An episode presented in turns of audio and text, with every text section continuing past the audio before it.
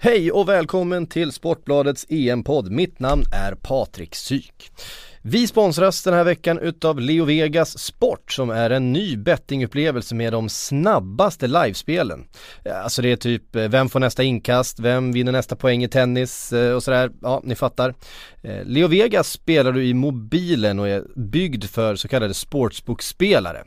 Det finns allt från eh, fotboll och tennis till e-sport och förstås då massor med EM. Så, nu rullar vi igång EM-podden.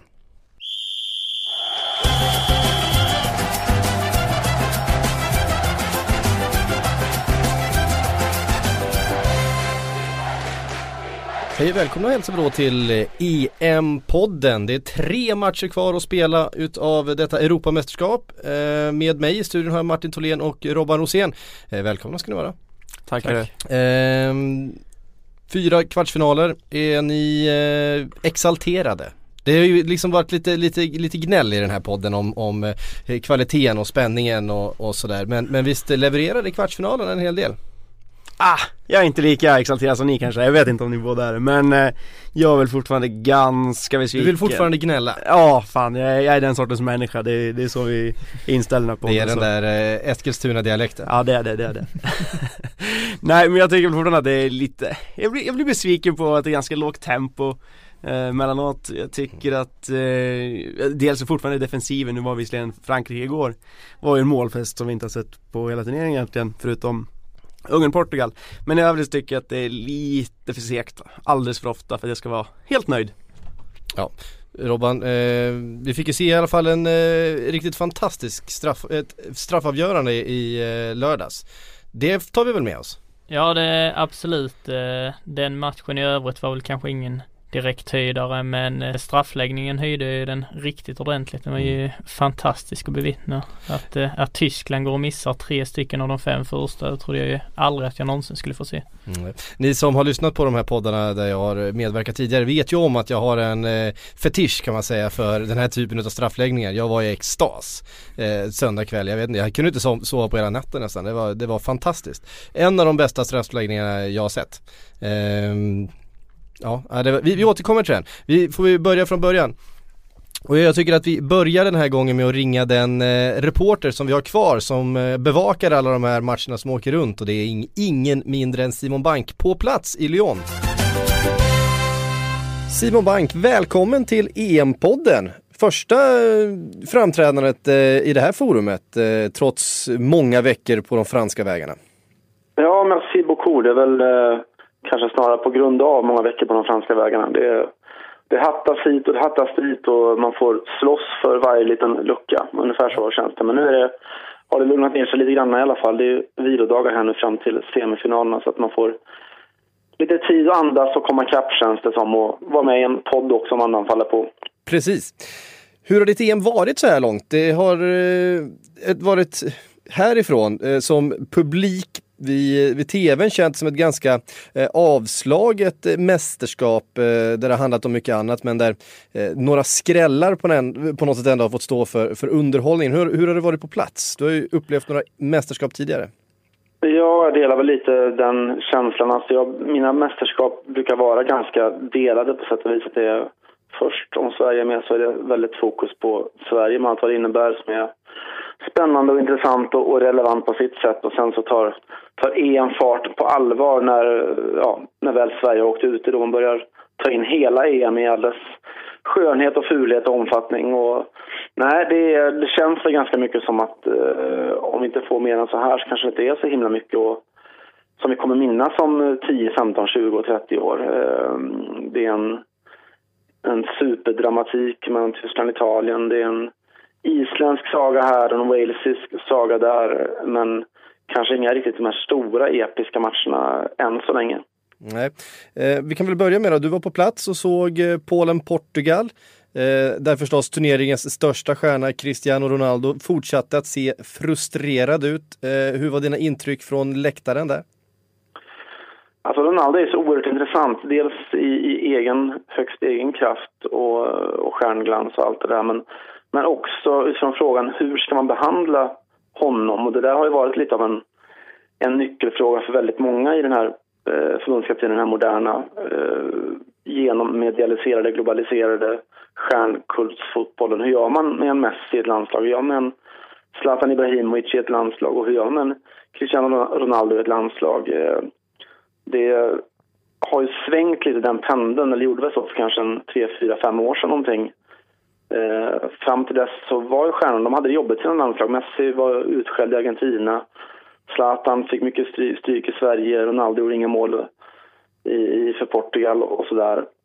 Eh, sen hände ju någonting. Det var som att förbundskaptenerna istället för att kämpa mot tidsandan lite valde att åka med den och, och bygga sina landslag runt de här mega miljard dunderstjärnorna istället. Eh, och fick väl ut en hel del av det. Messi bar Argentina i mångt och mycket till en VM-final och eh, Ronaldo började vräka in mål helt plötsligt för Portugal under Bento. Och, och eh, Zlatan känner vi alla till slog målrekord för, för Erik Hamrén. Eh, det som är intressant just med i fallet Ronaldo är att de kämpar fortfarande så oerhört hårt med att hitta den roll som han ska ha. En roll som, som han kan överleva med och en roll som gör Portugal bättre. Och det behöver inte nödvändigtvis vara samma sak. Eh, så det, de har det här eviga problemet med att de har ingen riktig nia, de har ingen riktig målskytt, eh, striker längst fram. Och har väl egentligen inte så haft sen, sen Pauleta vek in hovarna och, och gav upp sin karriär. Och dessförinnan egentligen sen, ja det var nära på sen Eusebios dagar. Så hur ska man använda Ronaldo? Vilket system ska man ha? Ska man ha ett flytande 4-3-3 med han får flytta lite som han vill och det är positionsbyten? Ska man ha honom som... Eh, och det trivs ju han ganska bra med, han får komma in från sin, sin älskade vänsterkant. Eller ska man ha honom som, som en renodlad nummer nio då han blir lite isolerad men där laget ofta ser lite bättre ut? Eller ska man göra som de gjorde i, mot Kroatien, att han har, en, har sin vänsterkantsposition men tar ett stort defensivt ansvar? Eh, och Fernando Santos svar i den här turneringen har varit lite att göra lite olika saker beroende på motstånd. Det har varit ett väldigt hattande hit och dit, ett taktiskt flexibelt Portugal under Santos. Eh, och det är väldigt spännande att se. Jag tror att mot, mot Polen så hade han eh, egentligen tre olika eh, system under matchens gång. Eh, och vart och ett av de systemen har sina brister och sina fördelar. Så mm, om det där är en stor, en stor fördel för Portugal eller om det är en, eh, en nackdel att man saknar en identitet, det, det får man väl se. Det har gått bra så här långt i alla fall. Mm. Och nu ställs eh, Cristiano och hans eh, Portugal mot, eh, ja men hans kanske eh, liksom största rival. Eh, för det får man väl ändå kalla Gareth Bale och relationen som de har i Real Madrid. De tävlar ju om den där första platsen även om eh, det är ganska tydligt Cristiano som står där. Men ehm, Visst finns det ganska mycket prestige i den här matchen mellan eh, Cristiano och Gareth Bale? Ja, det är klart att det gör det. I alla fall medialt väldigt tacksam. Bale har ju varit ute och sagt att det här handlar verkligen inte om mig mot Ronaldo utan det handlar om, det handlar om Wales. Eh, och det är lite intressant att se. Eh, alltså om, om Ronaldo är en persona i, i Madrid på Bernabeu och en annan i, i landslaget. Eh, med betydelsen att han är kanske lite lite blekare på sätt och vis, lite mer frustrerad i landslaget. Så är det som att Bale, som ju spelar lite andra fiol även om han har närmat sig Ronaldo i Madrid, eh, nu i landslaget så är han en sån uppenbar ledare. Han spelar med så oerhört mycket eh, hjärta och då menar jag den sortens hjärta som man ser. Man ser att han verkligen eh, vill ta det här laget vidare, att han vill göra precis allting som står i hans makt. Och det är liksom på, på 50 meters avstånd så ser man att det är lite en annan eh, aura kring honom när han spelar här jämfört med när han spelar i, i Madrid. Och det, det är oerhört fascinerande eh, att se på. Men eh, tror du ändå, oavsett vad han säger i presskonferenser och, och så vidare, tror du att eh, det spelar någon roll att det finns en Cristiano Ronaldo på andra sidan eh, för Gareth Bale? Det finns ju en rivalitet där, det är ju eh, väl dokumenterat. Ja, det är klart att det gör. Jag, alltså jag, jag tror att han har väl varit smart nog att inse att, att visst, eh, jag vill jättegärna visa Ronaldo vem som bestämmer. Så är det nog fortfarande så att han inser också att vägen dit, eh, om man vill ta den vägen så finns det bara ett alternativ. Det är att, det är att spela lagfotboll, det är att göra allting jag kan för, för Wales. Och i det, det handlar inte om att, att eh, Gareth Bale ska göra tre mål utan det handlar om att han Eh, han måste vara så oerhört klok att inte bli överambitiös jag tycker han har varit det så här långt. Man ser att han, eh, han värderar varje enskild situation så oerhört väl. Att han, han vilar hela tiden för att kunna ta de här långa 40 meters löpningarna med, med och utan boll när läget dyker upp. Men när det verkligen är läge, när man märker att nu är vi lite illa ute här, eh, då tar han också de här 15-20 meters löpningarna defensivt och lägger ner det jobbet också. Han, han, han gör verkligen det i varje enskild situation, värderar, eh, tänker efter, känner efter. Och så här långt har han gjort rätt i princip varje gång. Eh, så det är, spännande. Han, han, är, han har varit klok i, i sin sån där totalt solitära stjärnstatus. Mm. Eh, spännande ska det bli förstås. Eh, Wales tar ju över lite grann eh, Islands roll som det mm. stora skrällaget nu då när eh, Island eh, fick se sig ordentligt besegrade igår mot Frankrike. Det har varit väldigt eh, eh, självsäkra fransmän inför den här matchen. Eh, kände du av några nerver på läktaren när domaren blåste igång matchen igår?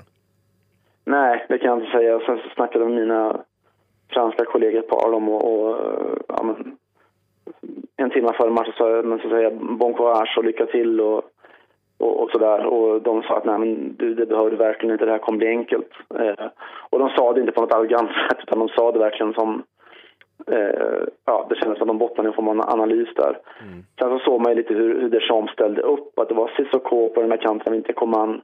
Eh, vilket någonstans signalerade att det var han respekterade Island eh, väldigt mycket.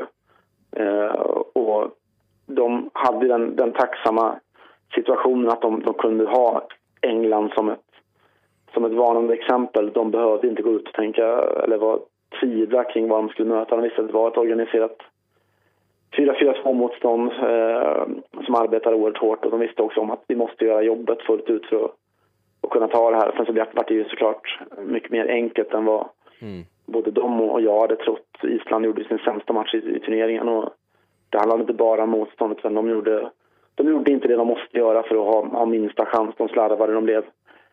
Ja, alltså min analys lite är tror jag att de varit lite överorganiserade. Att det var, det var så mycket fokus på att vi måste ligga rätt, vi måste vara organiserade. Så att man glömde bort vissa eh, aspekter i spelet som är eh, nästan ännu viktigare. Att vara aggressiva, att vara eh, proaktiva. Och då blir det så att då står man kvar i sitt 4-4-2 och missar att ha den tidiga pressen på Matuidi och så pang bom så kommer den där lilla chippen framåt och, och Giro 1-0 och redan där så är det kört på något vis. Hur imponerad var du av Frankrike? Eh, jag var imponerad. Eh, sen så, jag vet inte hur mycket nytt man såg, alltså att de har de här individuella kvaliteterna, det, det visste man ju sedan tidigare. Eh, och när de väl då får alla möjligheter så, så är de skickliga nog för att ta, ta det. Sen var det lite överraskande, men att Frankrike har en, en modern historia. Att de, de brukar alltid vara usla i början på matchen. De brukar ofta ligga under med 1 innan de hittar rätt i någon form av struktur och kommer in i matchen och, och sådär. Eh, det är nästan varannan match som släpper in mål första tio minuterna. Och, och Deschamps har under det här mästerskapet ofta fått korrigera sin taktik efterhand och sådär. Men så där var det inte i den här matchen överhuvudtaget. De, de tog matchen i, eh, i, runt halsen och, och bara red iväg väldigt, väldigt snabbt. Och det imponerade väl. Sen så var det också Eh, essentiellt för dem att se dels att Griezmann ska spela centralt, så att det är där som han får ut max både av sin omställningsfotboll och sin så sista tredjedels kreativitet. Och också att sedan Giroud eh, får göra de här, de här målen och, och visa att han, eh, han är i mästerskapet så här långt och mest effektiva och bästa eh, straffområdescenter. Mm. Eh, och nu ställs de mot eh, Tyskland förstås eh, i en semifinal. Klassisk möte, många kallar det för en eh, moralisk final. Håller du med om det? Ja, det sa man om Tyskland-Italien också. Vi får se lite. Jag tror att den, ja, alltså i min värld finns det bara finaler och det finns inga moraliska finaler. Utan mm. det, vi har lärt oss det. Alltså, det har varit moraliska finaler förut. Sen så kommer Grekland och, och tar hem finalen precis hur omoraliskt som helst. Det bryr sig inte ett skit om det. Så de som vinner är moraliska vinnare, punkt slut. Eh, däremot så, det är klart att det är en enormt stor match, inte bara för att det är en semifinal. Eh, utan för att ja, historiken ser ut som den gör, relationen mellan länderna ser ut som den gör. Eh, det är en stor match för Tyskland. Det är en gigantisk, enorm utan motstycke största matchen för, för Frankrike. Så eh, det, ja, det kommer såklart vara så att det laget som vinner den semifinalen kommer vinna en final på Saint Denis och vara, vara favorit också oavsett om det blir Portugal eller som möter. Mm. Spännande ska det bli. Eh, hörru du, du får utnyttja din vilodag till max här och sen så eh, får vi väl återkomma när de här semifinalerna är spelade så tar vi ett eh, finalsnack också tycker jag. Det ser jag fram emot. Vi öser på här. Vi öser på. Ha det fint Simon. Hej hej.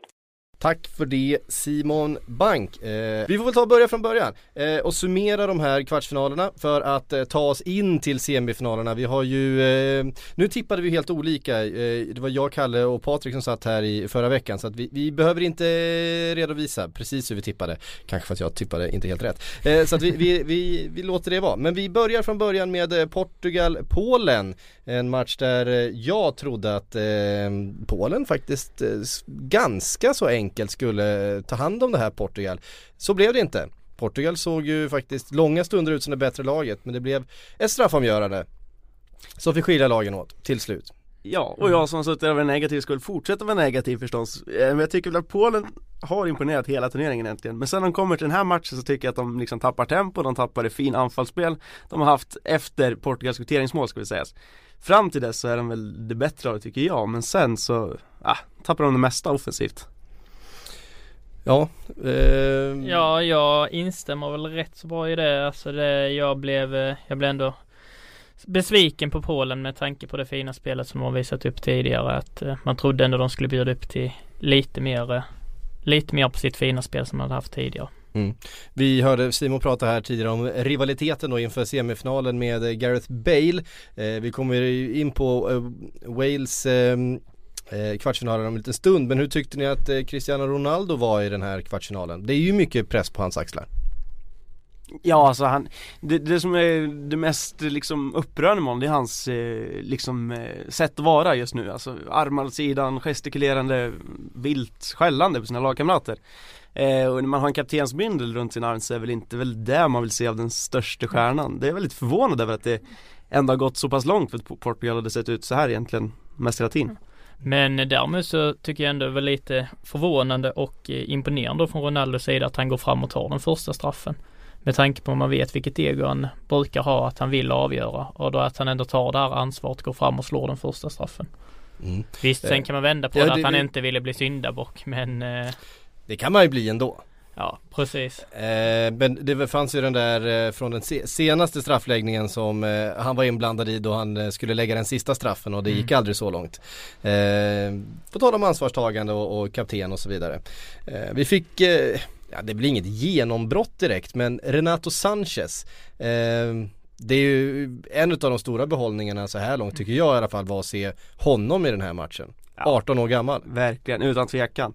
Alltså vilken led, men det är så här, han har ju varit så här bra hela tiden men det, vi sitter ju inte och kollar på portugisiska ligan vecka ut och vecka in. Vi ser henne Benfica någon gång då och då i Champions League och blir imponerande. Men det här är ju det internationella genombrottet, genombrottet för den breda publiken. Det är inget snack. Han är ju hur bra som helst alltså. Det är mm. fascinerande som sagt bara 18 år gammal, det är ju en ja, Vi har ju pratat om Marcus Rashford till exempel som kommer in och gör några eh, bra minuter för England, har gjort det bra för Manchester United men eh, Som är ju lika gammal Men det här är ju, det här är ju en färdig spelare på ett helt annat sätt Det är liksom, det är fysik, det är tempo, han, han är, spelar dessutom centralt i banan vilket ställer helt andra eh, liksom taktiska och, och, och fotbollsintelligensmässiga krav om det nu är ett ord.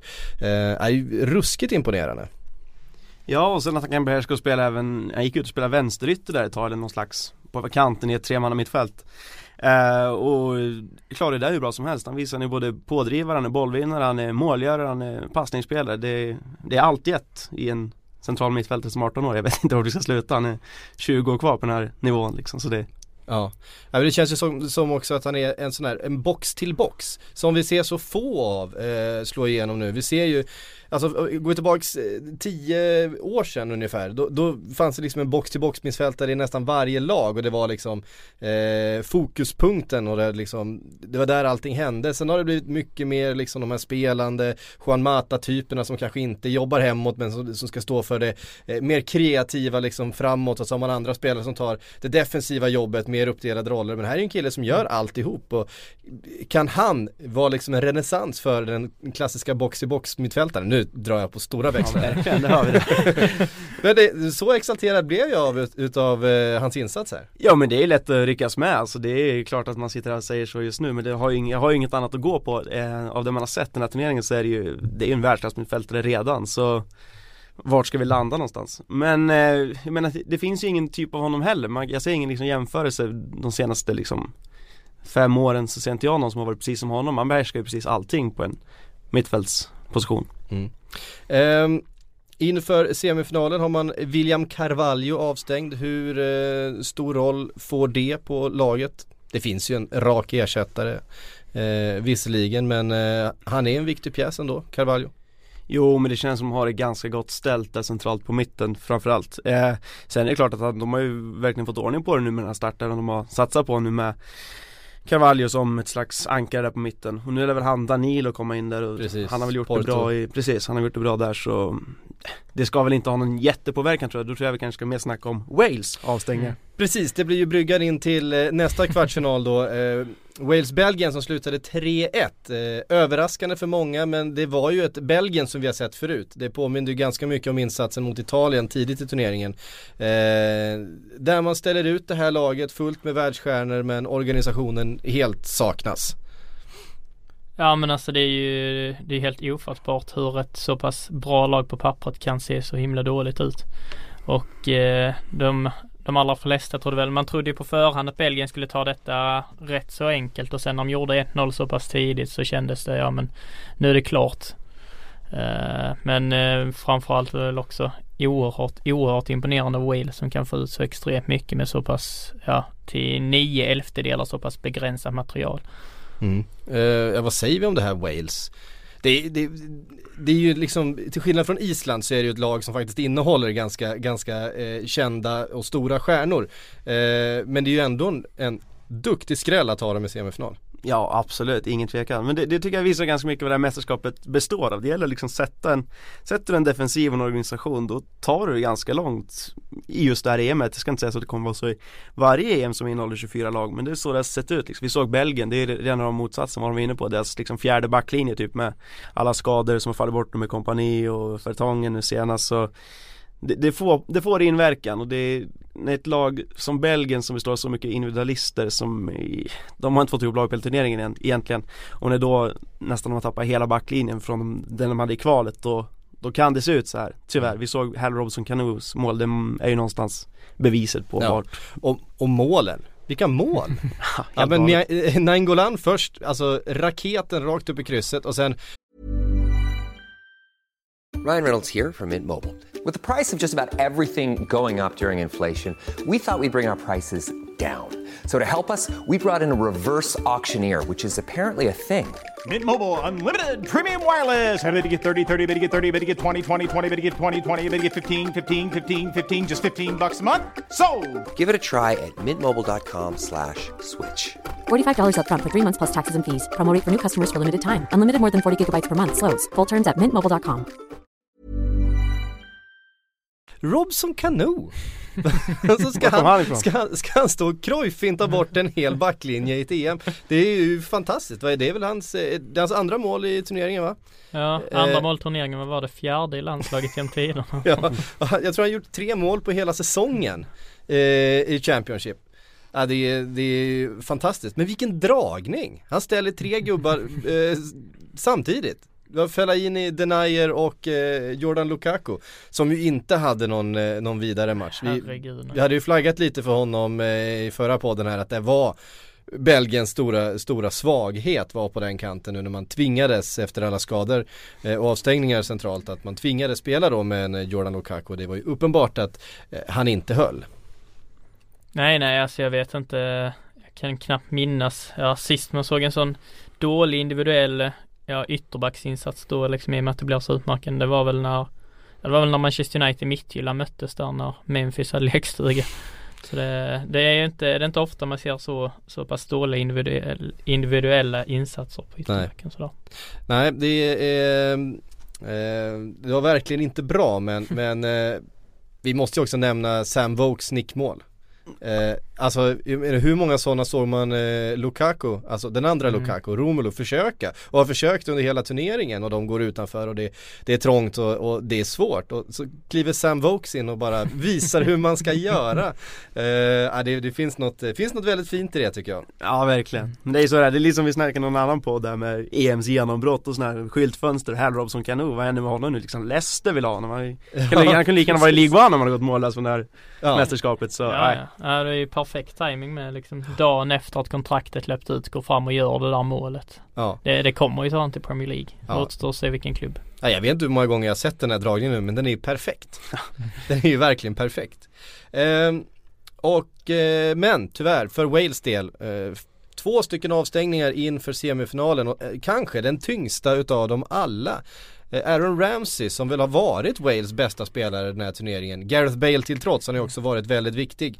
Eh, men visst är det Aaron Ramsey som, eh, som har varit den, den största spelaren så här långt. Fyra mm. assist talar ju sitt tydliga språk till exempel. Jo absolut, det är ju det, är det stora navet även fast Bale är den stora liksom stjärnan, den som kan göra det lilla extra på egen hand så är liksom Ramsey något sånt vi snackade om box to box nyligen men det, mm. han är ju lite av den liksom. Han sköter både defensiven, han är även den liksom pådrivaren i offensiv som de behöver så det är ju De kan inte ersätta honom rakt av utan det kommer bli ett annat sorts spel Och sen också att de får klara sig utan vänsterbackarna Ben Davis och ändra om i backlinjen är inte Optimalt för dem heller, jag vet inte vad de har tänkt, de ska stoppa in James Collins där i mitten och flytta ut Neil Taylor men eh, nej äh, man, man, Jag gillar ju James Collins, det är ju, det är ju en spelare som kan ta hand om en eh, Cristiano om han måste Ja, han släpper ingen över bron i alla fall. Nej det gör han inte. Han kan nog ta ett kort med glädje skulle jag tro. um, Men som sagt, vi tittar framåt då mot den här semifinalen mellan Portugal och Wales. Eh, tunga avstängningar på Wales och eh, Ska vi säga någonting om den här eh, regeln då med eh, två gula kort på fem matcher och så är man avstängd i sin, i sin livsmatch som det handlar om för, mm. eh, för de här spelarna ju. Eh, vi måste väl rikta någon slags kritik åt den här regeln ändå. Jo men så är det ju framförallt så som EM har blivit nu att vi har utökat det med en omgång, en åttondelsfinal Som inte har funnits förut. Jag menar det drar ju med, ner mästerskapet också. Att vi ska mm. stå där i en semifinal när lagen får ställa upp med ja, försvagade lag alltså helt enkelt. Vi, vi får inte se de största stjärnorna och det är det vi vill se i de mm. stora I de, största, matcherna. I de största matcherna vill man ju att de ska kunna ställa upp de bästa lagen. Jo precis. Mm. Så man, man hoppas att den här regeln skulle ha liksom funnits en match tidigare, att de tar bort det efter åttondelsfinalen. Att mm. kanske ja, varning i kvartsfinal och semi skulle kunna avstänga i en final, vad vet jag? Att man någonsin, men något nytt system måste finnas när vi har en match till jämfört med 2012. Mm. Ja, jag anser ju med att ett sånt system där, att det var bättre att slopa det efter åttondelen. Mm. Och sen om du nu drar på dig gult kort två matcher i rad, då kanske du snarare har förtjänat en avstängning i en final. Men om du har dragit på dig två stycken på fem matcher så skulle du inte behöva missa en semifinal på grund av på grund av en sån struntsak. För jag menar det kan vara en dummares bedömning med. Du kanske missar din livsmatch på grund av en skitgrej som ingen annan hade dömt för. Mm. Nej, jag, jag, tycker, jag, tycker, jag tycker man ska ta bort de här avstängningarna helt och hållet. För fan, ett gult kort i ett mästerskap, det ska man väl tåla? Ja. Eller? Ja men kanske, eller att man Eller lägg på ett gult, fan tre gula kort, det är jo, väl en men sak. Då har man ju, då har man ju uppenbart spelat vårdslöst liksom Åtminstone en gång Ja precis ehm, Ja men i sånt lag som Wales som har, liksom de har ju inte bollen i Nej. större delen av matchen och försvara sig. Det är klart att det kan dyka upp två situationer på fem matcher, det är inget konstigt och då behöver jag tappa en Aaron Ramsey som är Ja, alltså han är deras stora nyckelspelare, det är ju förödande för dem. Och det kommer ju alltid missgynna de, de mindre nationerna som inte har bredden eh, liksom utanför startelvan. Jag menar, ett, li, ett litet nationshopp är att man kan få ihop en bra startelva. Mm. De kommer ju aldrig få ihop en trupp ungefär som, jag menar, som Tyskland kan göra eller som Frankrike kan fortsätta och liksom lobba in världsstjärnor om det, om du har avstängningar eller skador och så vidare. Det kan ju inte ett Wales göra. Um, så det drabbar ju de, de mindre nationerna mer och det, det stör mig lite grann. Men nu har vi det som vi har det. Eh, och vi har en semifinal mellan Portugal och Wales och eh, vad, vad tror vi då? Eh, vi får ju någonstans, eh, någonstans tippa här också. Ja, alltså jag, jag kan väl inte riktigt se hur, hur Wales trots kollektivets makt och allt det här ska kunna ersätta Ramsey. Eh, så jag får väl ändå säga Portugal där. De ändå, som sagt, de såg bättre ut i, i kvartsfinalen också. Känns som de börjar trumma igång nu och att Cristiano Ronaldo ska missa en EM-final mot ja, mot James Collins och company. Alltså nej, nej jag kan inte se det. Jag får ändå dra till med att Portugal tar det här. Mm. Vi får inte glömma heller att hylla Ashley Williams här känner jag. Vi, Mm. vi, vi har inte nämnt honom än men han har ju varit fantastisk och gjorde mål och eh, han snackar om att bära sitt lag liksom. Det, vi pratar mycket om eh, Gareth Bale och så vidare men det gör ju verkligen Ashley Williams också. Ja, vi snackar om Cristiano Ronaldo som den inte optimala kaptenen, då är väl Ashley Williams den optimala kaptenen, eh, så som han har visat sig. Eh, jag tror mycket väl att Wales kan streta emot till ett kryss och en förlängning, Portugals favoritmelodi för övrigt, men det, det, det måste bli Portugal i final. Jag kan inte se att Wales som mästerskapsdebutanter som de väl är, går hela Mm. ja, vägen till sen en EM-final. 1958 tror jag, eh, Mm. VM i Sverige. Nej precis, gå till en EM-final och göra det mot Portugal. Nej, nej det, men förlängning. Och så har vi Portugal i final utan en enda ordinarie seger och utan en enda ordinarie förlust så Jag skulle inte, alltså jag- jag måste ju säga att jag håller på Wales. Jag gör det, jag kan inte låta bli eh, i ett sånt här skede. Jag tycker om att, jag tycker de är eh, härliga, jag tycker de, de har så väldigt mycket. Alltså det- visst det, det har varit kul med Island och så vidare men där saknas det ju, som man ser, alltså det saknas ju väldigt mycket kvalitet eh, och det är bara kollektiv och det är organisation och man kan gneta sig till resultat och så vidare. Men, men Wales har ju fan kvalitet. Eh, visst det är liksom Gareth Bale och eh, Aaron Ramsey och så vidare. Men vi ser ju också, jag menar, ja men vi har varit inne på det, jag menar eh, Robson Cano gör Cruyff-finter i offensivt straffområde. Men det, det, det är fantastiskt. Ja nej verkligen Ehm, nästa kvartsfinal då, Tyskland-Italien. Eh, bjöd väl kanske inte på, det var ju, det var ju liksom hjärnornas kamp här kändes det som. Eh, vi såg Jogge Löw dra ner på eh, en trebackslinje till exempel för att eh, stå upp mot eh, det här kantspelet då som eh, som Italien varit så framgångsrika med och det blev väldigt mycket organisation och ganska lite skönspel. Mm. Ja men alltså jag, jag känner väl att det blir ju tyvärr väldigt ofta så när det är de här stora nationerna som möts. Dels har man så stora förväntningar på det då att man tänker att det ska bli någon form av drömmatch. Eh, så jag vet inte, den, visst den var väl eh, lite mindre underhållande än vad man hade trott på förhand men eh, Men nej det är som du säger, det var ju verkligen hjärnornas kamp och då framförallt Trots allt väldigt, väldigt imponerande att se Italien med det trots allt begränsade materialet som de har att, Mm. att kunna pressa så här långt för det Som vissa sa tidigare liksom att det var någon form av nästan moralisk final. Mm. Eh, så ja, eh, det var ju Det var helt enkelt straffarna som förgyllde kvällen. Mm.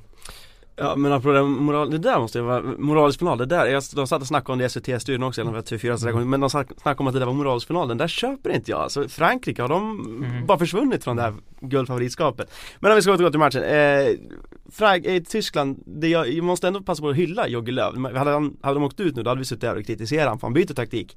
Men nu måste vi ändå ge honom något slags erkännande med tanke på det Italien har presterat mot en fyrbackslinje i stort sett varje match. Så kanske det här var Tysklands räddning och de har inte spöat Italien på hur många år som helst i mästerskapssammanhang. Så det var nog kanske den här trebackslinjen som tog dem vidare och Han offrade ju sin hetaste spelare Julian Draxler genom att byta det här systemet. Eh, eh, alltså Draxler som var helt fantastisk i matchen innan som verkligen har en stigande kurva. Eh, så offrade han ändå för det här systemet och det, det är rätt starkt. Eh, och han får, får då med sig resultatet trots Boatengs, ja vad var det där för någonting den där, eh, han säger vad, vad pysslar han med? Va, alltså är det någon som förstår? Det, det ser ut som att han blir knuffad i ryggen men han står ju i ryggen. Alltså vad, vad håller han på med? Alltså ja, mm, det är väl ingen som kan förklara varför han har armarna så långt upp. Jag vill att Men- ni har sett men- något men- som ingen annan har sett här. Det, jag Men, ställer eh, de nej, kraven men, på alltså er. det är ju så, nej jag vet inte, det, det går väl inte riktigt beskriva men det blir ändå så pass komiskt hela situationen i och med att han gör allt han kan för att undvika att det ska bli en straff och så blir det exakt det det blir så Ja, men jag vet inte, jag vet inte, jag vet inte alls hur han tänkt i den där situationen men det är väl, man vet ju själv när man varit på planen och sådär ibland, eh, ibland tänker man kanske inte riktigt hela vägen. Nej. ja, jag drog aldrig sådana där straffar. För Ingolf Mellberg, han gjorde något liknande i Kroatien, VM-kval och sånt. Precis. Eh, och så fick vi den här straffläggningen då och den, den var ju fantastisk alltså. Eh, alltså vilken, vilken, vilken är er favorit? Alltså- Utav alla missar? Ja, alltså den är, jag tycker den är fantastisk det, det är fascinerande hur Många sådana dåliga straffar det kan slås. Eh, många mål upp Sassas, hans galopperande, men jag måste ändå säga Pelé, alltså, vad- eller Pelle som han väl Ja. heter. Det, jag vet inte vad, ja, Alltså det finns ju, det finns så många nivåer här va. Alltså Sasa, han har ett jobb. Eh, alltså, du har ett jobb.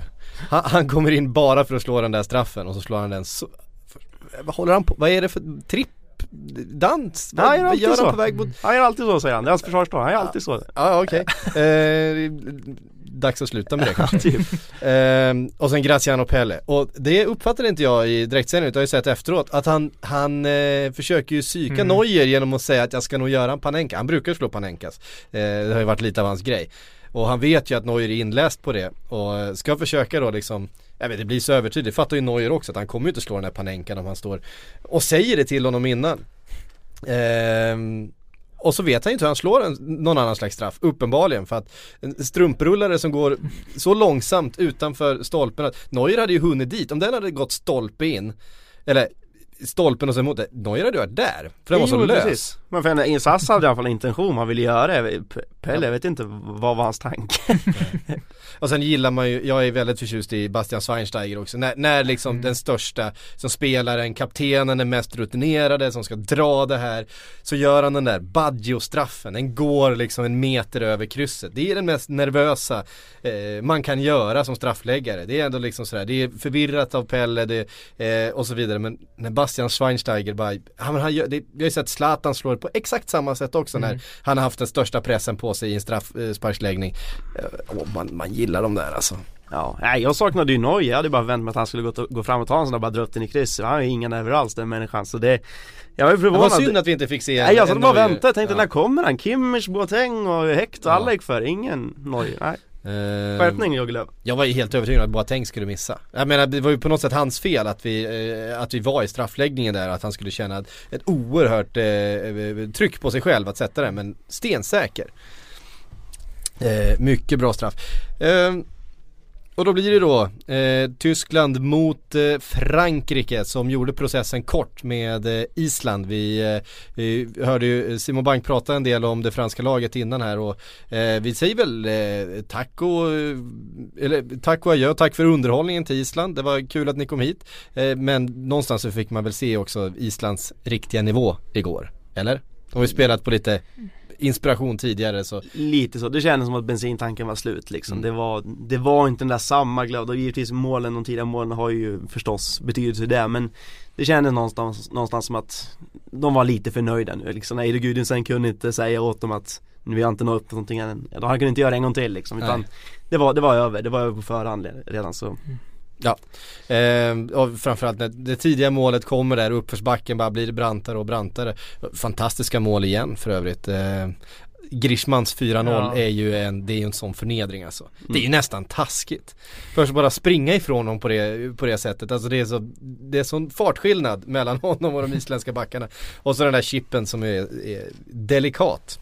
Jo men precis. Nej vi har ju suttit och hyllat liksom Ragnar Sigurdsson och Kari Arnason egentligen den här turneringen. Du- du- Vi måste ge dem en skopa kritik i För det igår, det var ju, det var ju bedrövligt. Det var ju, Ja. alltså Kari Arnason, det var ju, det var ju minus Minustecknet i Ja, men det är ju, han har gått från att vara, ja i stora delar av turneringen liksom spelat som en världsmittback och nu, ja, lagom till allsvenska starten var han tillbaka på allsvensk nivå igen.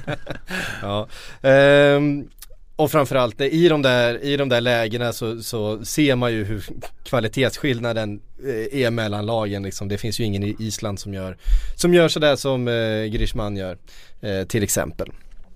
Eh, ganska intressant med laguppställningarna inför semifinalen då mellan Tyskland och Frankrike och den blir ju brutal den här, eh, den här kampen alltså. Vi ser, vi har en Mario Gomez som eh, skadade sig, vi har eh, tveksamheter på Kedira, Kedira är väl Kedira borta. bekräftar. Han, han är helt borta och så Schweinsteiger som ska vara den som ersätter Kedira då är väl tveksam eh, till om han kan starta. Ja det blir ju sista stunden där och se om han kan Ja. spela eller inte. Och då blir det väl förmodligen så kanske att han eh, inte spelar hela matchen i alla fall. Det, Mm. det är väl inte tanken att han ska spela hela matcher längre. eh, gubben, säger jag som är äldre. Eh, och då är frågan hur eh, Tyskland ska formera det där centrala mittfältet. Vem ska, vem ska stå för eh, den liksom defensiva kraften bredvid eh, Tony Kroos? Ja alltså, vi glömde även nämna vill säga Mats Hummels, det är väl kanske Ja Mats det, Hummels det, är det, det väl som är avstängd, det är väl, det, är väl tyngst av det känner jag.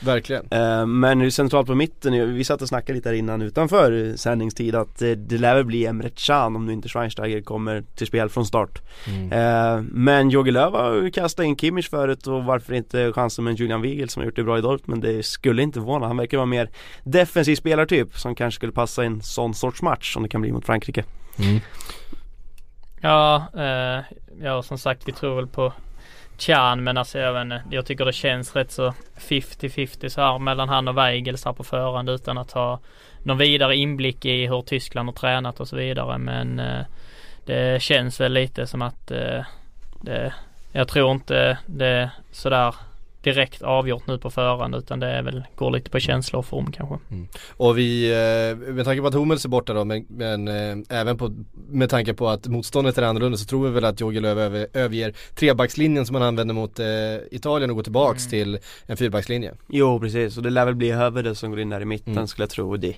alltså Tyskland har ju fortfarande ett fantastiskt lag. Vi satt där och tänkte, ja, fyra spelare borta, vad kastar vi in? Han kastar in Götze, Hövedes, eh, Chan och ja. Precis. Draxler igen liksom. Ja men lite som jag var inne på där skillnaden med Wales när de får slänga in, ja vem det nu blir istället typ för Andy King eller något sånt. Ja precis, eh, istället för Aaron Ramsey då. Eh, och då, det, det är en ganska dramatisk försvagning eh, utav laget. Frankrike å andra sidan, de får tillbaks N'Golo Kanté och får också tillbaks Adel Rami men framförallt Kanté som har varit en av deras bästa spelare den här turneringen.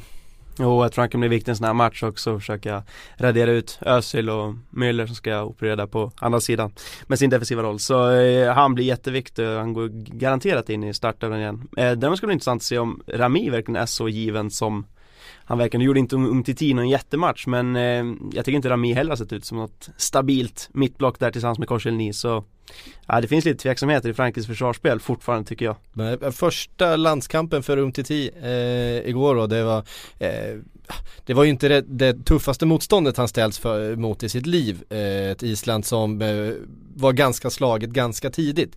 Eh, de petade ändå in två bollar Island. Det ska man komma ihåg. Eh, det det såg så inte helt klockrent ut i försvarsspelet eh, för eh, Frankrike igår heller.